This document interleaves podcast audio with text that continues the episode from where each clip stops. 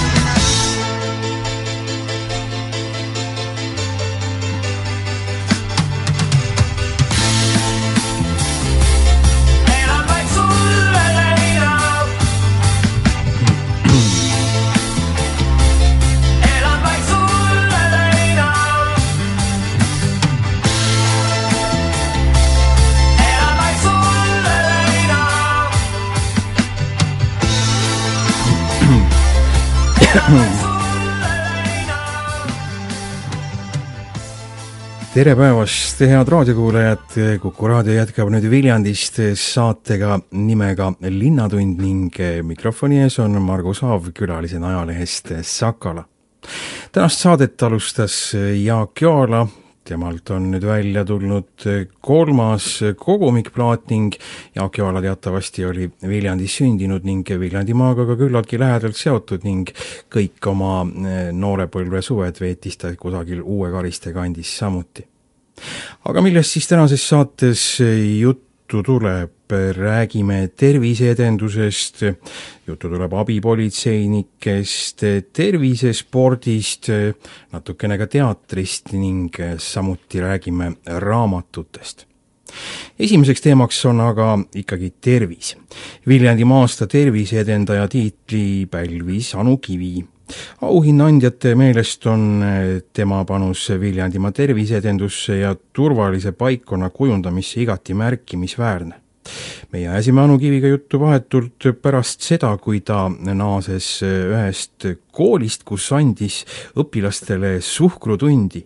kuna siis, kui mina koolis käisin, sellist tundi tunniplaanis ei olnud, siis hakatuseks uurisingi kõigepealt seda, et mis üks suhkrutund endast õieti kujutab.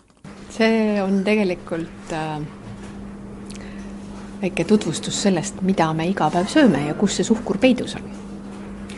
Sest äh, olgem ausad, tootjad on läinud tänapäeval nii kavalaks, et äh, kombineerides omavahel teatud koguse suhkrut, rasva ja soola äh,, mängitakse meie ajuga, tekitatakse meil joovastuspunkt ja, ja kui kõik tootjad seda püüavad väga teha, siis, siis arvestades, mida me sööme päeva jooksul, mõjutame me iga ampsuga oma keha. No söömine söömiseks, aga tegelikult isegi nii, et kui sa jood vett, mis tõenäoliselt peaks nagu olemagi enam-vähem vesi, võib-olla nipet-näpet sealjuures, siis sellega sa võid saada väga ootamatuid asju endale organismi sisse mis ei ole üldse vesi. Absoluutselt, absoluutselt, et praegu kangesti moes olevad maitseveed on üks suurim suhkrupomm, salajane suhkrupomm, sest kui võtta nüüd see vesi ette ja vaadata seda toiteväärtust ja sisaldust, mis selles vees on, siis sajas grammis tavaliselt on kuus koma üks grammi suhkrut. Korrutada see nüüd selle vastavalt veepudeliga, olgu ta siis viiesaja milliliitrine või kaheliitrine, siis võite ise aru saada, et kolmkümmend kuni kuuskümmend seitsekümmend grammi suhkrut ühest veest saada, on liiast mis liiast. no praegu tuled sa viienda klassi õpilaste eest, kas sa rääkisid neile sama juttu ka ja olid nad üllatunud? loomulikult rääkisin ma neile sama juttu, et äh, ja, ja hea meel on tõdeda, et, et olidki üllatunud. olid üllatunud, kellel olid seal äh, küpsised kaasas, kellel oli seesama maitsevesi kaasas ja kuna minul on alati kaasas sellistel loengutel suhkrutükid, ja ühe suhkrutüki kaal on tavaliselt kaks grammi, siis äh, andsin neile ette selle paki, et nad saaksid vaadata reaalselt, mitu suhkrutükki oli nende tootes. ja ega läksid silmad ikka päris suureks küll neil. aga kust see nüüd tuleb, et noh, ütleme, need on ju asjad, millega tegelikult võiks kursis olla, sest et põhimõtteliselt tooteinfo ju on pakendil tavaliselt olemas, aga noh, laps seda eriti vist ei hakka vaatama, ma kujutan ette jah, ega kui ma küsisin, et kas te, kas te poes käies koos vanematega või, või ise vaatate vahel toote infot, siis, siis, siis tuli ainult eitav pearaputus, et äh, seda oskust vaadata toote infot ei ole. et tegelikult äh, üks asi, mida ma vanematele südame paneks ja ka vanavanematele, on just see, et äh, õpetage noori lugema toote infot pakendil. ma tean küll, see on väikeses kirjas ja seda on raske lugeda, aga see on oluline info nii et kui näiteks on noh, ütleme sellised asjad, mida peetakse tervislikuks, noh võib-olla ka mis mitte jogurtid, siis see võib jällegi selline tootjapoolne lõks olla, kus tervislikkusest asi on vahest päris kaugel. kurb ja ka tõsi, et need väiksed jogurtipakendid tavaliselt on saja kahekümne nelja, saja kahekümne viie grammised ja sõltuvalt tootjast on tavaliselt ühes sellises maitsestatud jogurtis äh, suhkrut kuskil kakskümmend neli kuni kakskümmend kuus grammi, mis on ka too much, et äh, kui nüüd äh, mõelda alternatiivile, jogurt on iseenesest väga hea toiduaine ja probiootikum, siis äh, võib-olla lisada sinna ise pähkleid, seemneid, külmutatud puuvilju, värskeid puuvilju, marju, miks mitte.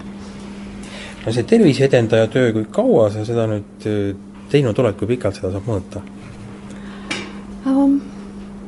alustasin põhjalikumalt sellega kaks tuhat üheksa Äh, siis kaheksa aastat ilmselt juba selline süvitsi minekut ja just Viljandi maakonna inimestega ja tervisega.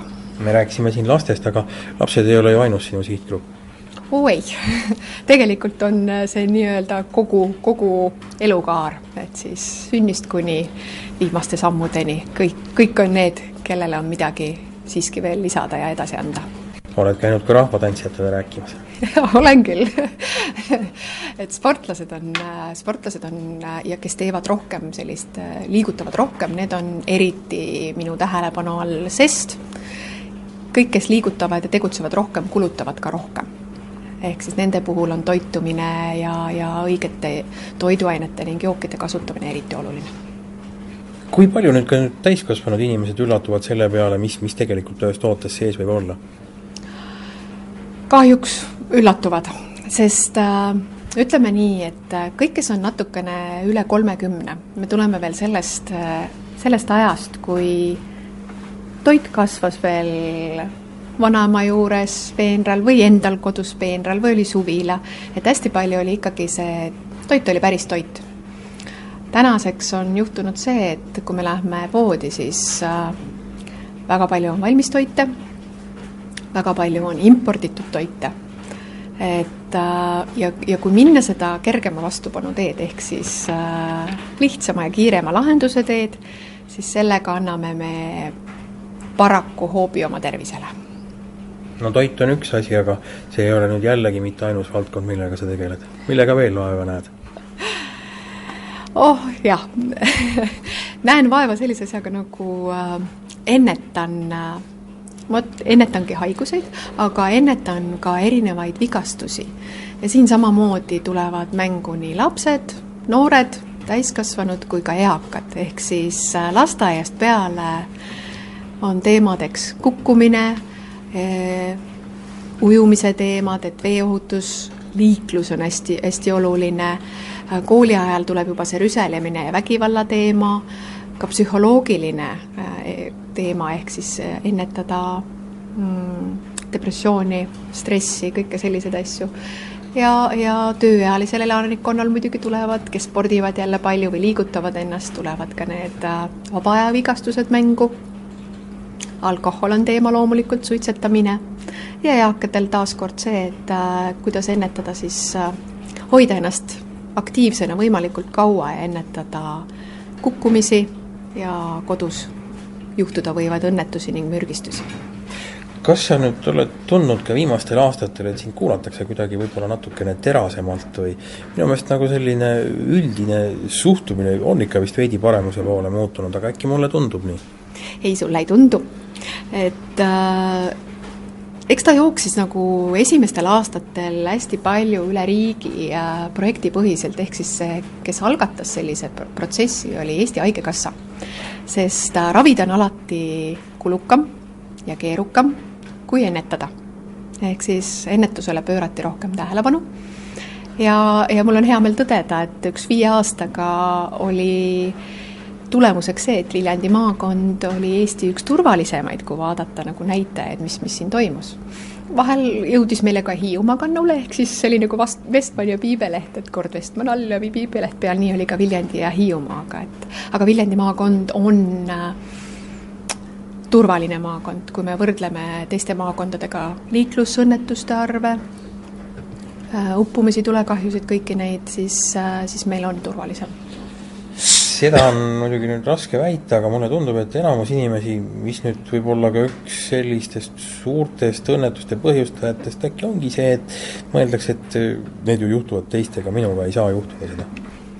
tõsi, see on, eriti noorte, noorte puhul on see selline ei, minuga seda ei juhtu, et aga, aga parem on ju õppida teiste vigadest, kui, kui ise mitu korda ühe reha otsa astuda, et et ähm, tegelikult on see, et kui, kui tuleb ka riik taha ja, ja kui asjadest pidevalt ja pidevalt rääkida, see on ju ka nii-öelda reklaamidega nii, et öeldakse, et kui sa kuuled ühte asja või näed viis korda järjest, siis tegelikult kuuendal koha, korral on ta sul nii kõvasti salvestunud, et sa hakkad ka tegutsema selle, selle ajal. et äh, ma arvan, et niisama on ka ennetuse ja, ja edendusega, et kui ikkagi piisavalt kaua millestki rääkida ja seda infoväljas hoida, siis, äh, siis hakkab see inimestele ka kohale jõudma no mingi hetk asjad, mis praegu tunduvad täiesti loomulikud, noh, ma arvan, et see oli veel üheksakümnendate alguses niimoodi, kus turvavööd peeti kuidagi selliseks, noh, kuidas nüüd öelda, mittemehelikuks lisandiks autole. absoluutselt, absoluutselt. muidugi peab ütlema ka siis, et, et tol hetkel olid autod, mis, mis nagu toetasid sellist käitumist, ehk siis nüüd, nii kui sa jätad selle turvavöö kinnitamata, hakkab hirmus piiksumine ja pahandamine autos peale ja see hakkab lõpuks närvidele käima aga, aga samamoodi turvahällid, turvatoolid, sest äh, kui me jälle autosid võrdleme, siis ka kiirused on ju kasvanud ajas.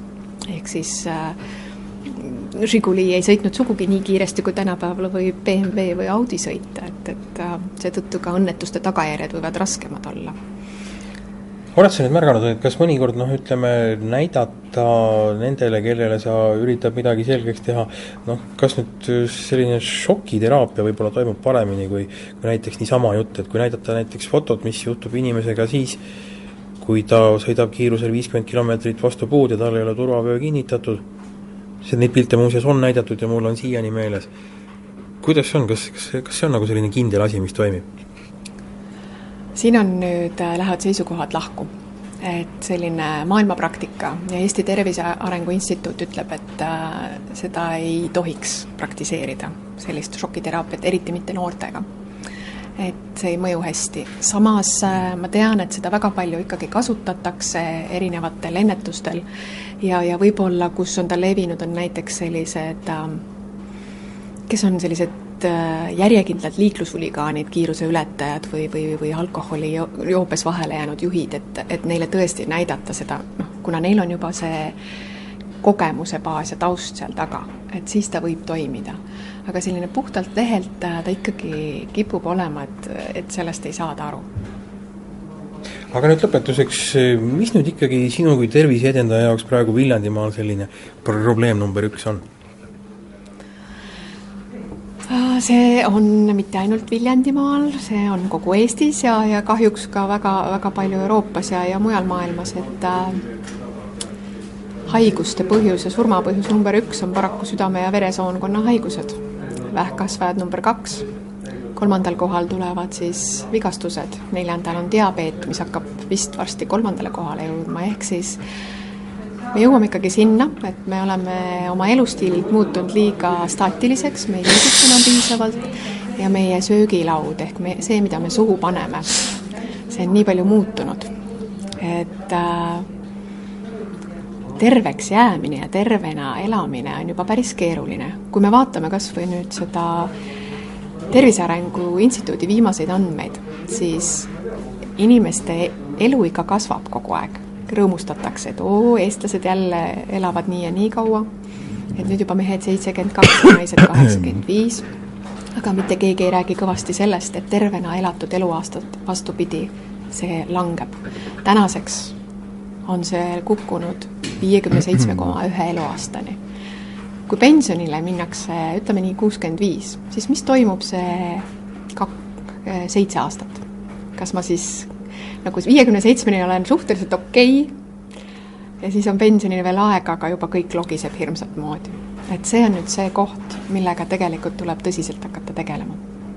aitüma igal juhul ja jaksu sulle selles! aitäh!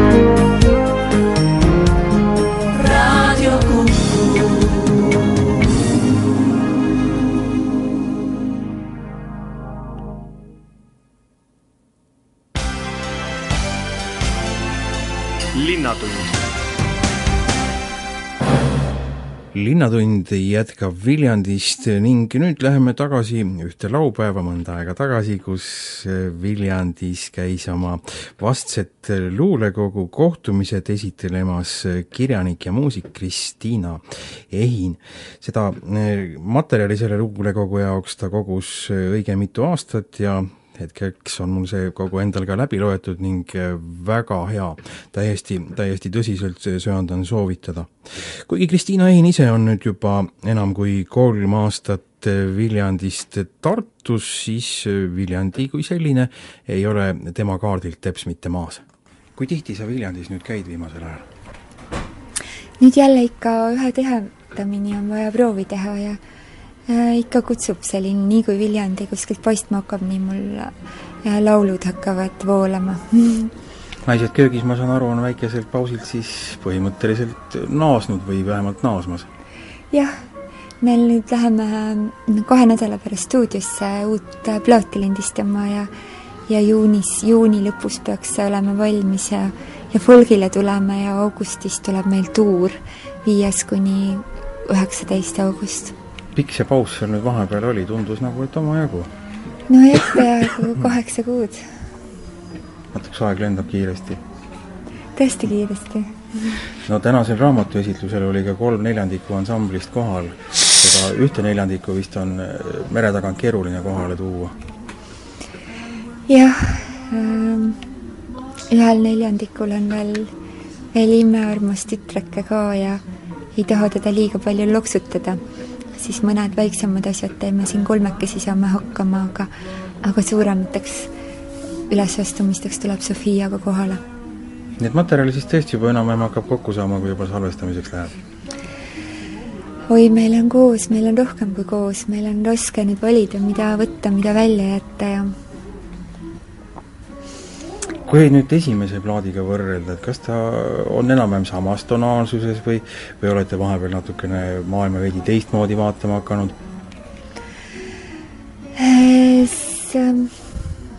ta on ikka teistmoodi, omajagu teistmoodi, aga ma arvan, et see põhi, põhiasi jääb samaks, et eks me otsime äh,, otsime elu irooniat ja samas otsime elu ülemhelisid et see, see on nagu isegi võib-olla natuke vastandlikud suunad, aga aga, aga ilma selleta ei saa.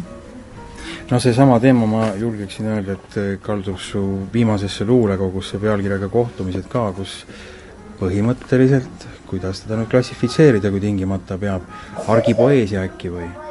et ostukärukujulises maailmas on ka sellised ilusad hetked peidus, aga need tuleb lihtsalt üles leida jah, see argimütoloogia ja ja selline natuke tragikoomiline tunnetuslaad, mis aeg-ajalt lihtsalt äh, voolab must üle ja siis ei saa muud moodi, kui kui, kui tuleb sellised tekstid kirja panna.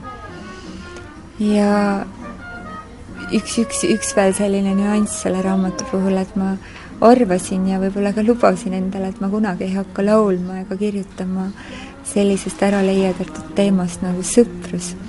aga on juhtunud, et siin luulekogus on sellest lausa ridade vahelt võib välja lugeda terve tsükli.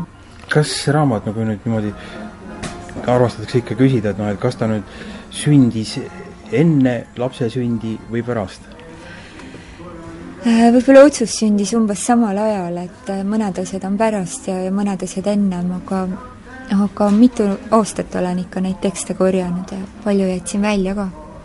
mille põhjal sa üldse valiku teed, ma kujutan ette, et sul on, mille hulgast valida? tahaks, et ikka tuleks selline tervik kokku, et luuletused omavahel ka kuidagi kõnetaks teineteist, üksteist. kui sa seda loomeprotsessi natuke proovid kirjeldada, siis kas päevas on mingi selline või ütleme, et ööpäevas on selline aeg, mis, mis sulle kuidagi eriti hästi mõjub? mul niimoodi ei ole. mul on niimoodi pigem, et äh, ikkagi see selline oma elu kangelane olla, et on see hetk, kus ma tunnen, et noh, et et praegu nagu laulud istuvad kuskil seal tooli all ja lambi peal ja õues põõsa all ja või, või luuletused ja nad tegelikult ootavad mind. Ja et see on nagu minu sisemine kangelastegu, kas mina suudan häälestada ennast nii, et, et me kohtuksime no mõnedest su tekstidest kumab selline, kuidas nüüd öelda, päris varjamatu nukrus vastu. jah, et see oli ka niisugune võib-olla omamoodi uhke tunne, et vot ongi nii ja panengi nii ja ja et äh, vahel ju ajab muigama ka, on ju, aga aga ma arvan, et äh, luule on küll see koht, kus, kus, kus on ruumi sellistele tunnetele ka.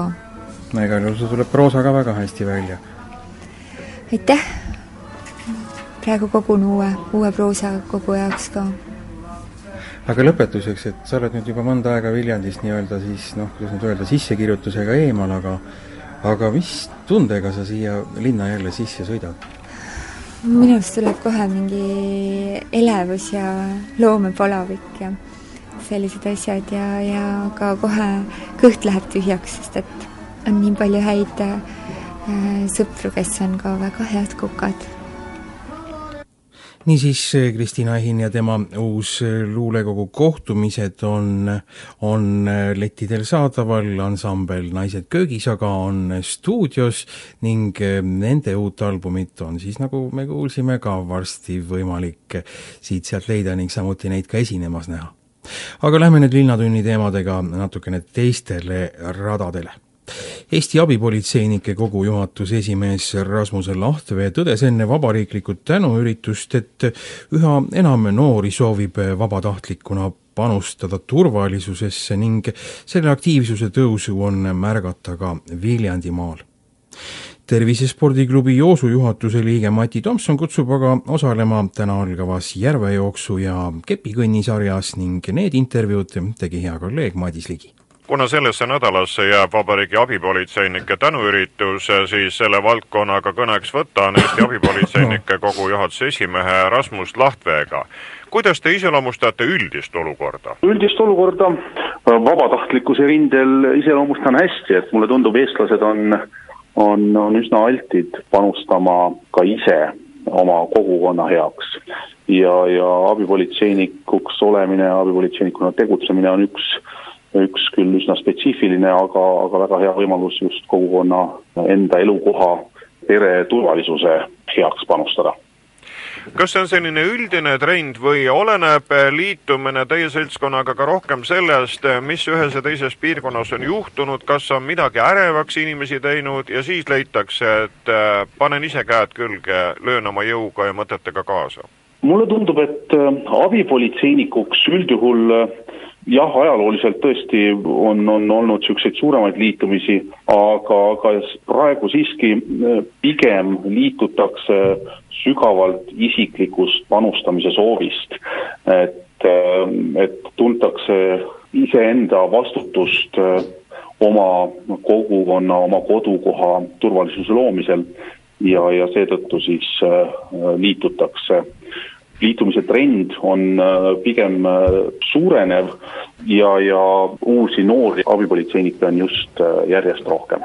kes need tavaliselt on, kes liituvad? kui nüüd ajalooliselt võib-olla on rohkem olnud siis endisi politseiametnikke ja, ja võib-olla siis kaitseliitlasi, kes, kes on tahtnud rohkem panustada ka politseilisse tegevusse, siis täna on järjest kasvav trend see, et noored, intelligentsed, kõrgelt haritud inimesed, kes väga väärtustavad oma vaba aega, on leidnud tee abipolitseilise tegevuse juurde. ja, ja selle üle on äh, mul puhtalt äh, tõesti siiralt hea meel, see näitab ka selle tegevuse vabatahtliku liini äh, nii-öelda prestiižsust minu meelest ja annab ainult lisaväärtust, et iga abipolitseinik, kes meiega meie seltskonnaga, meie, meie kogukonnaga liitub, on ju tegelikult äh, jälle üks turvalisuse eestkõneleja oma kohalikus kogukonnas juures ülepea, kui vaadata neid inimesi, kes on vormis ja meid äh, siis aitavad elada, et nende reiting on päris hea, olgu tegemist siis politseinikega, piirivalvuritega või päästjatega. nii et see on iseenesest äärmiselt tervitatav äh, nähtus. täpselt nii, et äh, eks, äh, eks sellest äh, sõltubki, et millised need inimesed on, kes siis abipolitseinikena ringi käivad, tegutsevad, sellest sõltub ka meie kuvand ja ja siin jällegi on siiralt hea meel, et, et järjest rohkem on just noori. Ja kui nüüd ajalooliselt jällegi on võib-olla eks ole, politseiametnike seas naiste-meeste tasakaal rohkem paigas olnud, siis abipolitseinikke on, on pigem ikkagi rohkem mehi olnud aga ka siin on äh, trend äh, muutuv ja, ja järjest rohkem on noori naisi, kes meie seltskonnaga liituvad. Ragnar Laat, milline on olukord Viljandis? vabariigi taustal? Viljandi on nüüd just äh, paari-kolme viimase aastaga jõudsalt arenenud ja, ja loomulikult paremuse suunas, et kui kahe tuhande viienda, viieteistkümnenda aasta alguses oli Viljandi maakonnas äh, kokku umbes kakskümmend neli abipolitseinikku, siis täna on, on juba rohkem kui äh, kolmkümmend kaheksa. jah, kolmkümmend kaheksa peakski olema see õige number. ja, ja see nüüd vabariigi äh, teiste maakondade võrdluses on kõva keskmine, et et siinkohal äh, tahakski tunnustada kindlasti kohaliku Viljandi siis abipolitseinike rühmajuhti Alar Sadamat ja, ja tublit tööd on kindlasti ka teinud äh, Viljandi jaoskonna, politseijaoskonna juht äh, Günter Pedosk kui nüüd selle jutu peale kellelgi tekib tahtmine ka abipolitseinikuks saada, siis mida ta peab tegema? no esimene asi kindlasti peaks endale selgeks tegema, et mis see abipoli- või kes see abipolitseinik on. et selleks saab vaadata loomulikult veebist infot, natukene otsida, on olemas ka eraldi veebilehekülg www.abipolitseinik.ee, kus saab esmase info kätte. Ja kui näete kuskil äh, tänaval mõnda abipolitseinikku tegutsemas, astuge julgelt ligi, tehke juttu, rääkige selle abipolitseinikuga, küsige tema käest, et äh, äh, mismoodi tema abipolitseinikuks astus ja, ja võib-olla ka miks ta seda tegi, et kindlasti saate sellest inspiratsiooni. kui kaua saab olla abipolitseinik? abipolitseinik saab olla sisuliselt terve elu, et niikaua, kuni tervist ja tahtmist jagub, et äh, loomulikult on abipolitseiniku tegevusel teatavad ka füüsilised nõuded. Et, et ikkagi natukene peab suutma joosta ja enda eest seista. aga, aga nüüd, kes kord juba on abipolitseinikuna tegutsemas, tegelikult on võimalik ka lihtsalt siis ennetustegevuses kaasa lüüa, et, et ei pea ilmtingimata patrulli minema ja, ja seal otseselt tervislikke piiranguid ei ole, et piisab, kui inimene on ise tahtmist täis ja, ja eeskujuks oma käitumisega teistele täna algab Viljandi järvejooksude kepikõnni sari Mati Tomsoniga kui Tervise spordiklubi Joosu ühe eestvedajaga selle kohe ka kõneks võtame. mitmes sari siis hakatuse saab? no meie jooksevsari koosneb nagu kahest poolest jooks on kahekümne teine kord ja kepikõnd samal ajal on nüüd äh, veidi hiljem alustasime, on kaheteistkümnes kord. Eesti kõige pikemaajalisem spordiüritus Viljandi järvejooks on teile ilmselt inspiratsiooni andnud, et kui see esimese mai üritus on ära, et enne ja pärast seda tahaks ka ikkagi teistega mõõtu võtta, ennast proovile panna? ja loomulikult. Kõige selle süüdlane on ikkagi see suur kuulus äh, Viljandi ümber järve jooks. Ja meie teeme jah, kuus korda suve jooksul, iga kuu üks kord ja esimene kord on jah siis proovimiseks enne, enne suurt jooksu. tuleb vormi seada ja pealegi praegu on nagu hea joosta, sest äh, väga palav just ei hakka no tänavu on jah, võiks natuke isegi soojem olla, aga meil on see jooks ju alati nädal aega või noh, nädalapäevad enne suurt jooksu on olnud ka põlvini lumes tulnud seda jooksu ja, ja jäiselt libedal rajal tulnud, nii et noh, tänavu on ikka väga hea kas need distantsid eh, on enam-vähem samad läbi aastate, mis nüüd sarja kuuluvad?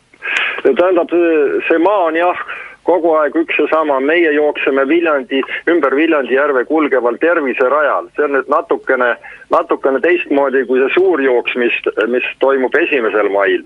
suurjooksu ajal on kõik Kopli aiad ja lahti, ühesõnaga inimesed saavad joosta kõige otsemat teed mööda, siis on nende eramaa pidajatega kokku lepitud, et nende maadelt jooste, joostakse läbi aga meie jookseme mööda terviserada, see on nüüd natukene teistmoodi. aga põhimõtteliselt ikka ümber Viljandi järve. nii et kuus etappi seisab siis ees, kuid selleks, et ennast leida sellest lõpptabelist, mitu peaks vähemalt kirja saama? no meie komme on selline, et kes vähemalt neli jookseb, need osalevad siis lõpuloosimisel, alati meil on sügisel spordijoone kohvikus väike koosistumine, kus me siis loosime mõningaid auhindu välja nende jooksjate vahel. ja nii palju veel, et meie ei määra ajaliselt järjestust, kuigi me võtame igale jooksjal fikseerime aja, aga startaeg on vaba kaks tundi kella viiest kella seitsmeni, inimene tuleb, kuidas ta töölt jõuab, saab tulla, tuleb, paneb nime kirja, läheb rajale. tuleb tagasi, paneb jälle nime kirja, fikseerime aja no loodetavasti on selle ajaga juba seltskonnad, sõpruskonnad, treeningrühmad välja kujunenud, et jagub neid rajale küll? jagub, jagub jah, ja noh, eriti on need nii-öelda seltskonnad või sõpruskonnad hakkavad silma kepikõndijatel seal on enamus on naised ja kepikõnd on selline mõnus ala, et selle vältel saab ju ka rääkida omavahel. Jooksjatel ei õnnestu see, kui sa ikka vähegi tõsisemalt jooksed, siis sa ei lobise seal midagi. kepikõnd on jah saanud järjest populaarsemaks ja see on toonud radadele ka neid inimesi, kellel kas jalad, põlved või tahtmine ei luba joosta. Põhiline on liikuda ja tunda elust niiviisi rõõmu ja hoolitseda oma tervise eest, nii et see sportlik tulemus ei ole teil selle sarja puhul tähtis, vaid tervislikud eluviisid jaa, täpselt niimoodi, sportlik tulemus, me lihtsalt küll fikseerime selle, et inimene ise saab endaga võrrelda, kuidas ta nüüd aegade jooksul seal käinud on, aga jah, kepikonnil näiteks äh, minu andmetel vanem, kõige vanem osavõtja, kes tuleb, on kaheksakümne kahe aastane, noorimad on alla kümne olgu siis korratud, et äh, täna õhtul läheb Järvejooksude Kepikanni sari käima ja septembri keskpaigani äh, ta kestab. Äh, Mati Tomson, kui palju tavaliselt on neid osavõtjaid olnud, mida eelmise aasta statistika näitab? jooksudel on olnud noh, niimoodi, et seal kolmekümne ja kuuekümne vahel ja kepikonnid on enam-vähem sama, sama palju ühel korral, tähendab, ühel etapil. Igasugune korraldamine on ka kulu, kas on väike stardimaks ka või te olete lahendanud asja teiste hoobadega? hoovad muidugi on ka, aga me sümboolse stardimaksu teeme, see annab inimesele nagu sellise nii-öelda, elu on näidanud, et inimene, kes kas või maksab ühe sendi, ta tunneb, et ta on osaline asjas. aitab üritusele kaasa aitab kaasa, sest et selle stardiraha eest loomulikult me seda üritust läbi viia ei suudaks, see on lihtsalt sümboolne. Raadio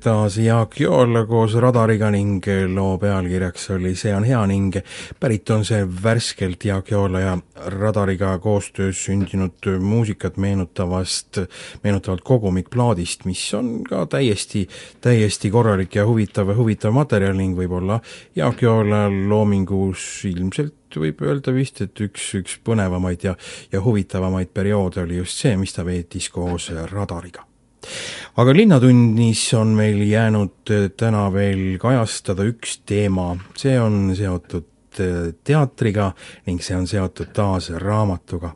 Läheme tagasi sinna hetke, kui teatrikunstnik Ingrid Agur esitles Sugala kammersaalis oma eluloo raamatut Elu kolm vaatust. see on väga põnev ja huvitav teos pikalt Ugala teatris töötanud naisest, kes on ise ligemale saja seitsmekümne lavastuse kujundusega andnud suure panuse Eesti kultuurilukku ning ajasime kõigepealt juttu autori endaga. kui tihti te nüüd siia majja satute? ausalt öelda, peale seda, kui ma ära läksin, sellest on vist seitseteist aastat esimest korda. kuidas see vahe nii pikk tuli? et kuidas see vahe nii pikk tuli? ma ei tea. ma ei oska sellele vastata. aga ma tegin seda suure huviga. ja kuidagi ma ei tea, võib-olla sellepärast, et uued ajad, uued inimesed uued mõtted. Ja, ja, ja üks asi on see, ma elan kaugel seal Pärapõrgus. ja see üksi öösel koju tulek, see ei ole kah kuigi. ja mu poeg Madis ei ole üldse teatriinimene. jumala hoidku, ta oli nelja-aastane juba, Hendrik läks juba titana lavale tegin lastetükki, talletükki, kõik olid ilusad, kõik niimoodi ja Madise rõdule vaatama, Madis ei taha, ei taha, ei taha. tema võttis tükk aega, enne kui ta üldse teatrisse jõudis. aga on teil võib-olla mingi selline lavastus kuidagi eriti nüüd meelde jäänud, et millega väga kuidagi nagu hästi südamelähedale kasvas? on. see on siin, esimene leht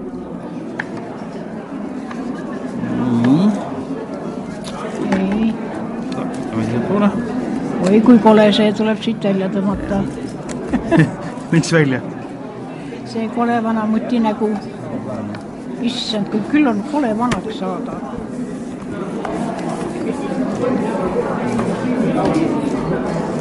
ühesõnaga Juudit mm..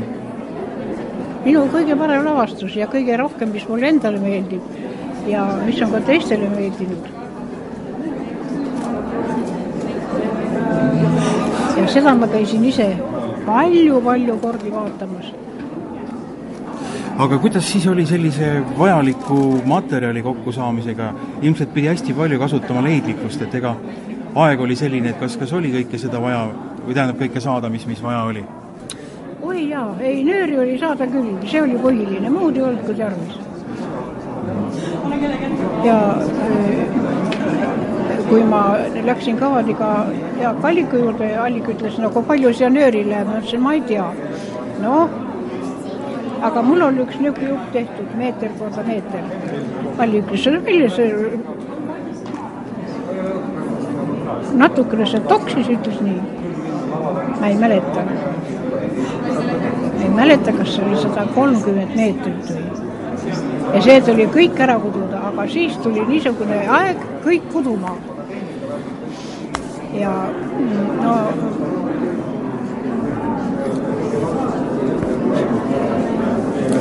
ja kes vähegi oskas vargid liigutada, see kudus.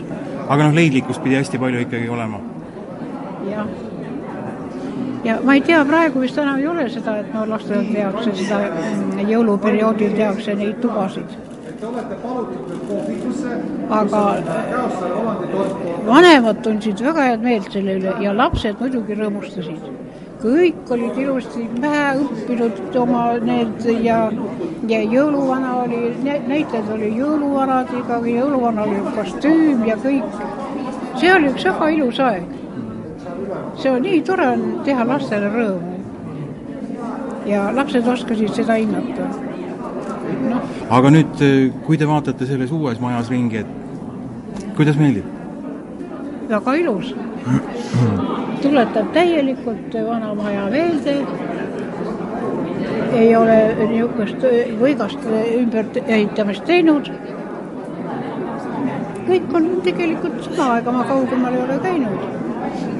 vaatan siit läheb Puhvetisse, vanasti läks ka siit Puhvetisse aga ilus remont on, noh, midagi ei ole öelda. et selles mõttes süda on rahul? jah, väga, väga rahul ja loomulikult ei saanud küsimata jätta ka Põlise teatrimehe Jaak Alliku käest seda, et missuguse mulje siis Ingrid Agur on temale jätnud?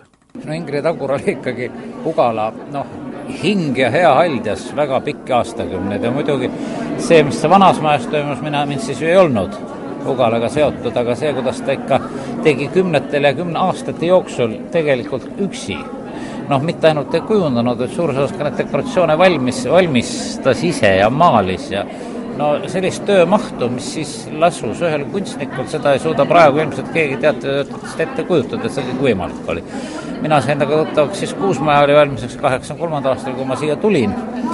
ja siis oli noh, Ingrid oli tõesti see maja hing ja, ja kuidagi nii alati optimistlik ja ja temast õhkus nii palju headust ja nii palju ilu, et ma siin tänagi ütlesin, et, et noh, üks kõige ilusamaid inimesi, keda ma näinud olen nii, nii sisemiselt kui välimiselt ja lavastajana ma tegin temaga mitu lavastust samuti. lavastajal oli olla temaga nagu, tema nagu vanajumala selja taga, tähendab, kõik, mis ta lubas, oli tehtud, kõik ka töökojad olid tema kontrolli all ja kõik ideed, mis ta andis, andis ise, noh, koostöös lavastajaga räägituna, need, need, need, need sobisid, noh, vähemalt minu koostöö oli selline, et kõik oli nagu noh, rusikas silmaauk on paha öelda, aga, aga see oli nii täpne, nii õige.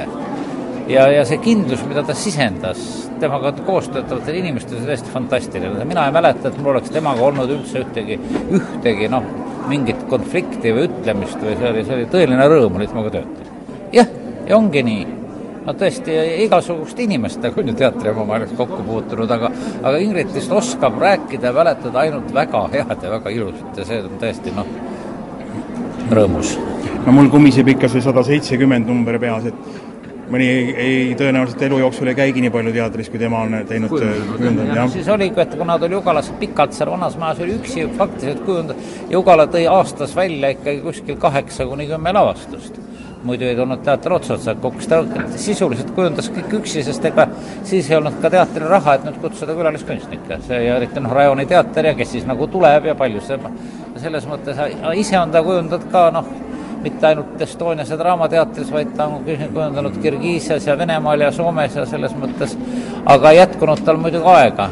Ja, siis ei olnud ka neid võimalusi, et saada noh, rahvusvaheliselt väga tuntuks, aga, aga see ja näiteks just olin Moskvas koos, tulin e-, e-, üleeile Moskvast Vjatšeslav Kostkoviga, kellega ta tegi kolm lavastust, ühe Samaras, ühe Omskis, ühe Taškendis. Ja, ja Kostkovil täpselt, kui Ingridiga oli midagi tehtud, siis ta tuli alati Ingridi juurde tagasi ja vedas teda siis oma lavastuse kujundama Venemaal. Lavastajal ja ütleme ka kunstnikul oli väga palju leidlikkust tollel ajal vaja. raamatus ta kirjeldab ka ühte lugu sellest, kus ta käis piimakombinaadis põhimõtteliselt ju hõbepaberit otsimas. Nojah, sest materjalid ju noh, praegu on niimoodi, et eh, see valik isegi võib-olla on liiga kerge ja ja, ja kunstniku mõtet noh, selles mõttes ahendav, et siis tuli tõesti välja mõelda kummaliseid asju kummalistest materjalidest, midagi eriti saada ei olnud, aga see võis olla laval noh, mõjuda kuidagi eriti fantastiliselt, nagu kogu see lugu see Judit, Juditi telgiga, eks, mis oli nööridest kokku, kokku õmmeldud ja, ja no ja pärast seda see Juditi telki mängiti ju siin maja ees, oli veel me kasutasime teda siin Ugala peahoone ukse ees või peaukse ees hoopis teiste lavastuste mängimiseks, et ta oli nagu, nagu suvel telgina ka kasutatav. Mm.. ja no selles mõttes, kui nii võtta, et noh, näitleja tuleb ja läheb lavale, aga lavakujundus on kogu aeg seal. Seda küll jah, ja lavakujundus muidugi võib näitlejat tappa ja võib näitlejat väga aidata, see on ka täiesti selge ja see, mida Ingrid siin ka on kirjutanud, et äh, teatrikunstniku töö on tihti ei hinnata, tihti jääb tahaplaanile, sest ega noh, nagu muide ka lavastajad, ega tavaline vaataja ju ei tea üldse, mida lavastaja teeb. inimesed tulevad hästi, mängivad ja kõik. et seal on mingid seinad püsti, kuidas see sein sinna saadud on ja mida see tähendab ja kahju muidugi, et ka teatrikriitika, kes peaks seda oskama hinnata, teinekord kah ei, ei saa aru, mis on kunstniku osa ühe kuju, ühe lavastuse loomisel ja ja seetõttu on see elukutse ei ole nii hinnatud, kui ta tegelikult hinnas peaks olema nii, sellega nüüd äh, on tänase Linnatunni materjalid äh, ümber. suur tänu kõigile, kes äh, aitasid saate valmimisel kaasa järgmine Linnatund on jälle nädala pärast, siis on juba teemaks see, mida räägitakse Viljandi linnavolikogus. igal juhul saatejuht Margus Aav tänab kõiki kuulajaid, soovib meeldivat päeva jätku ning taaskohtumiseni!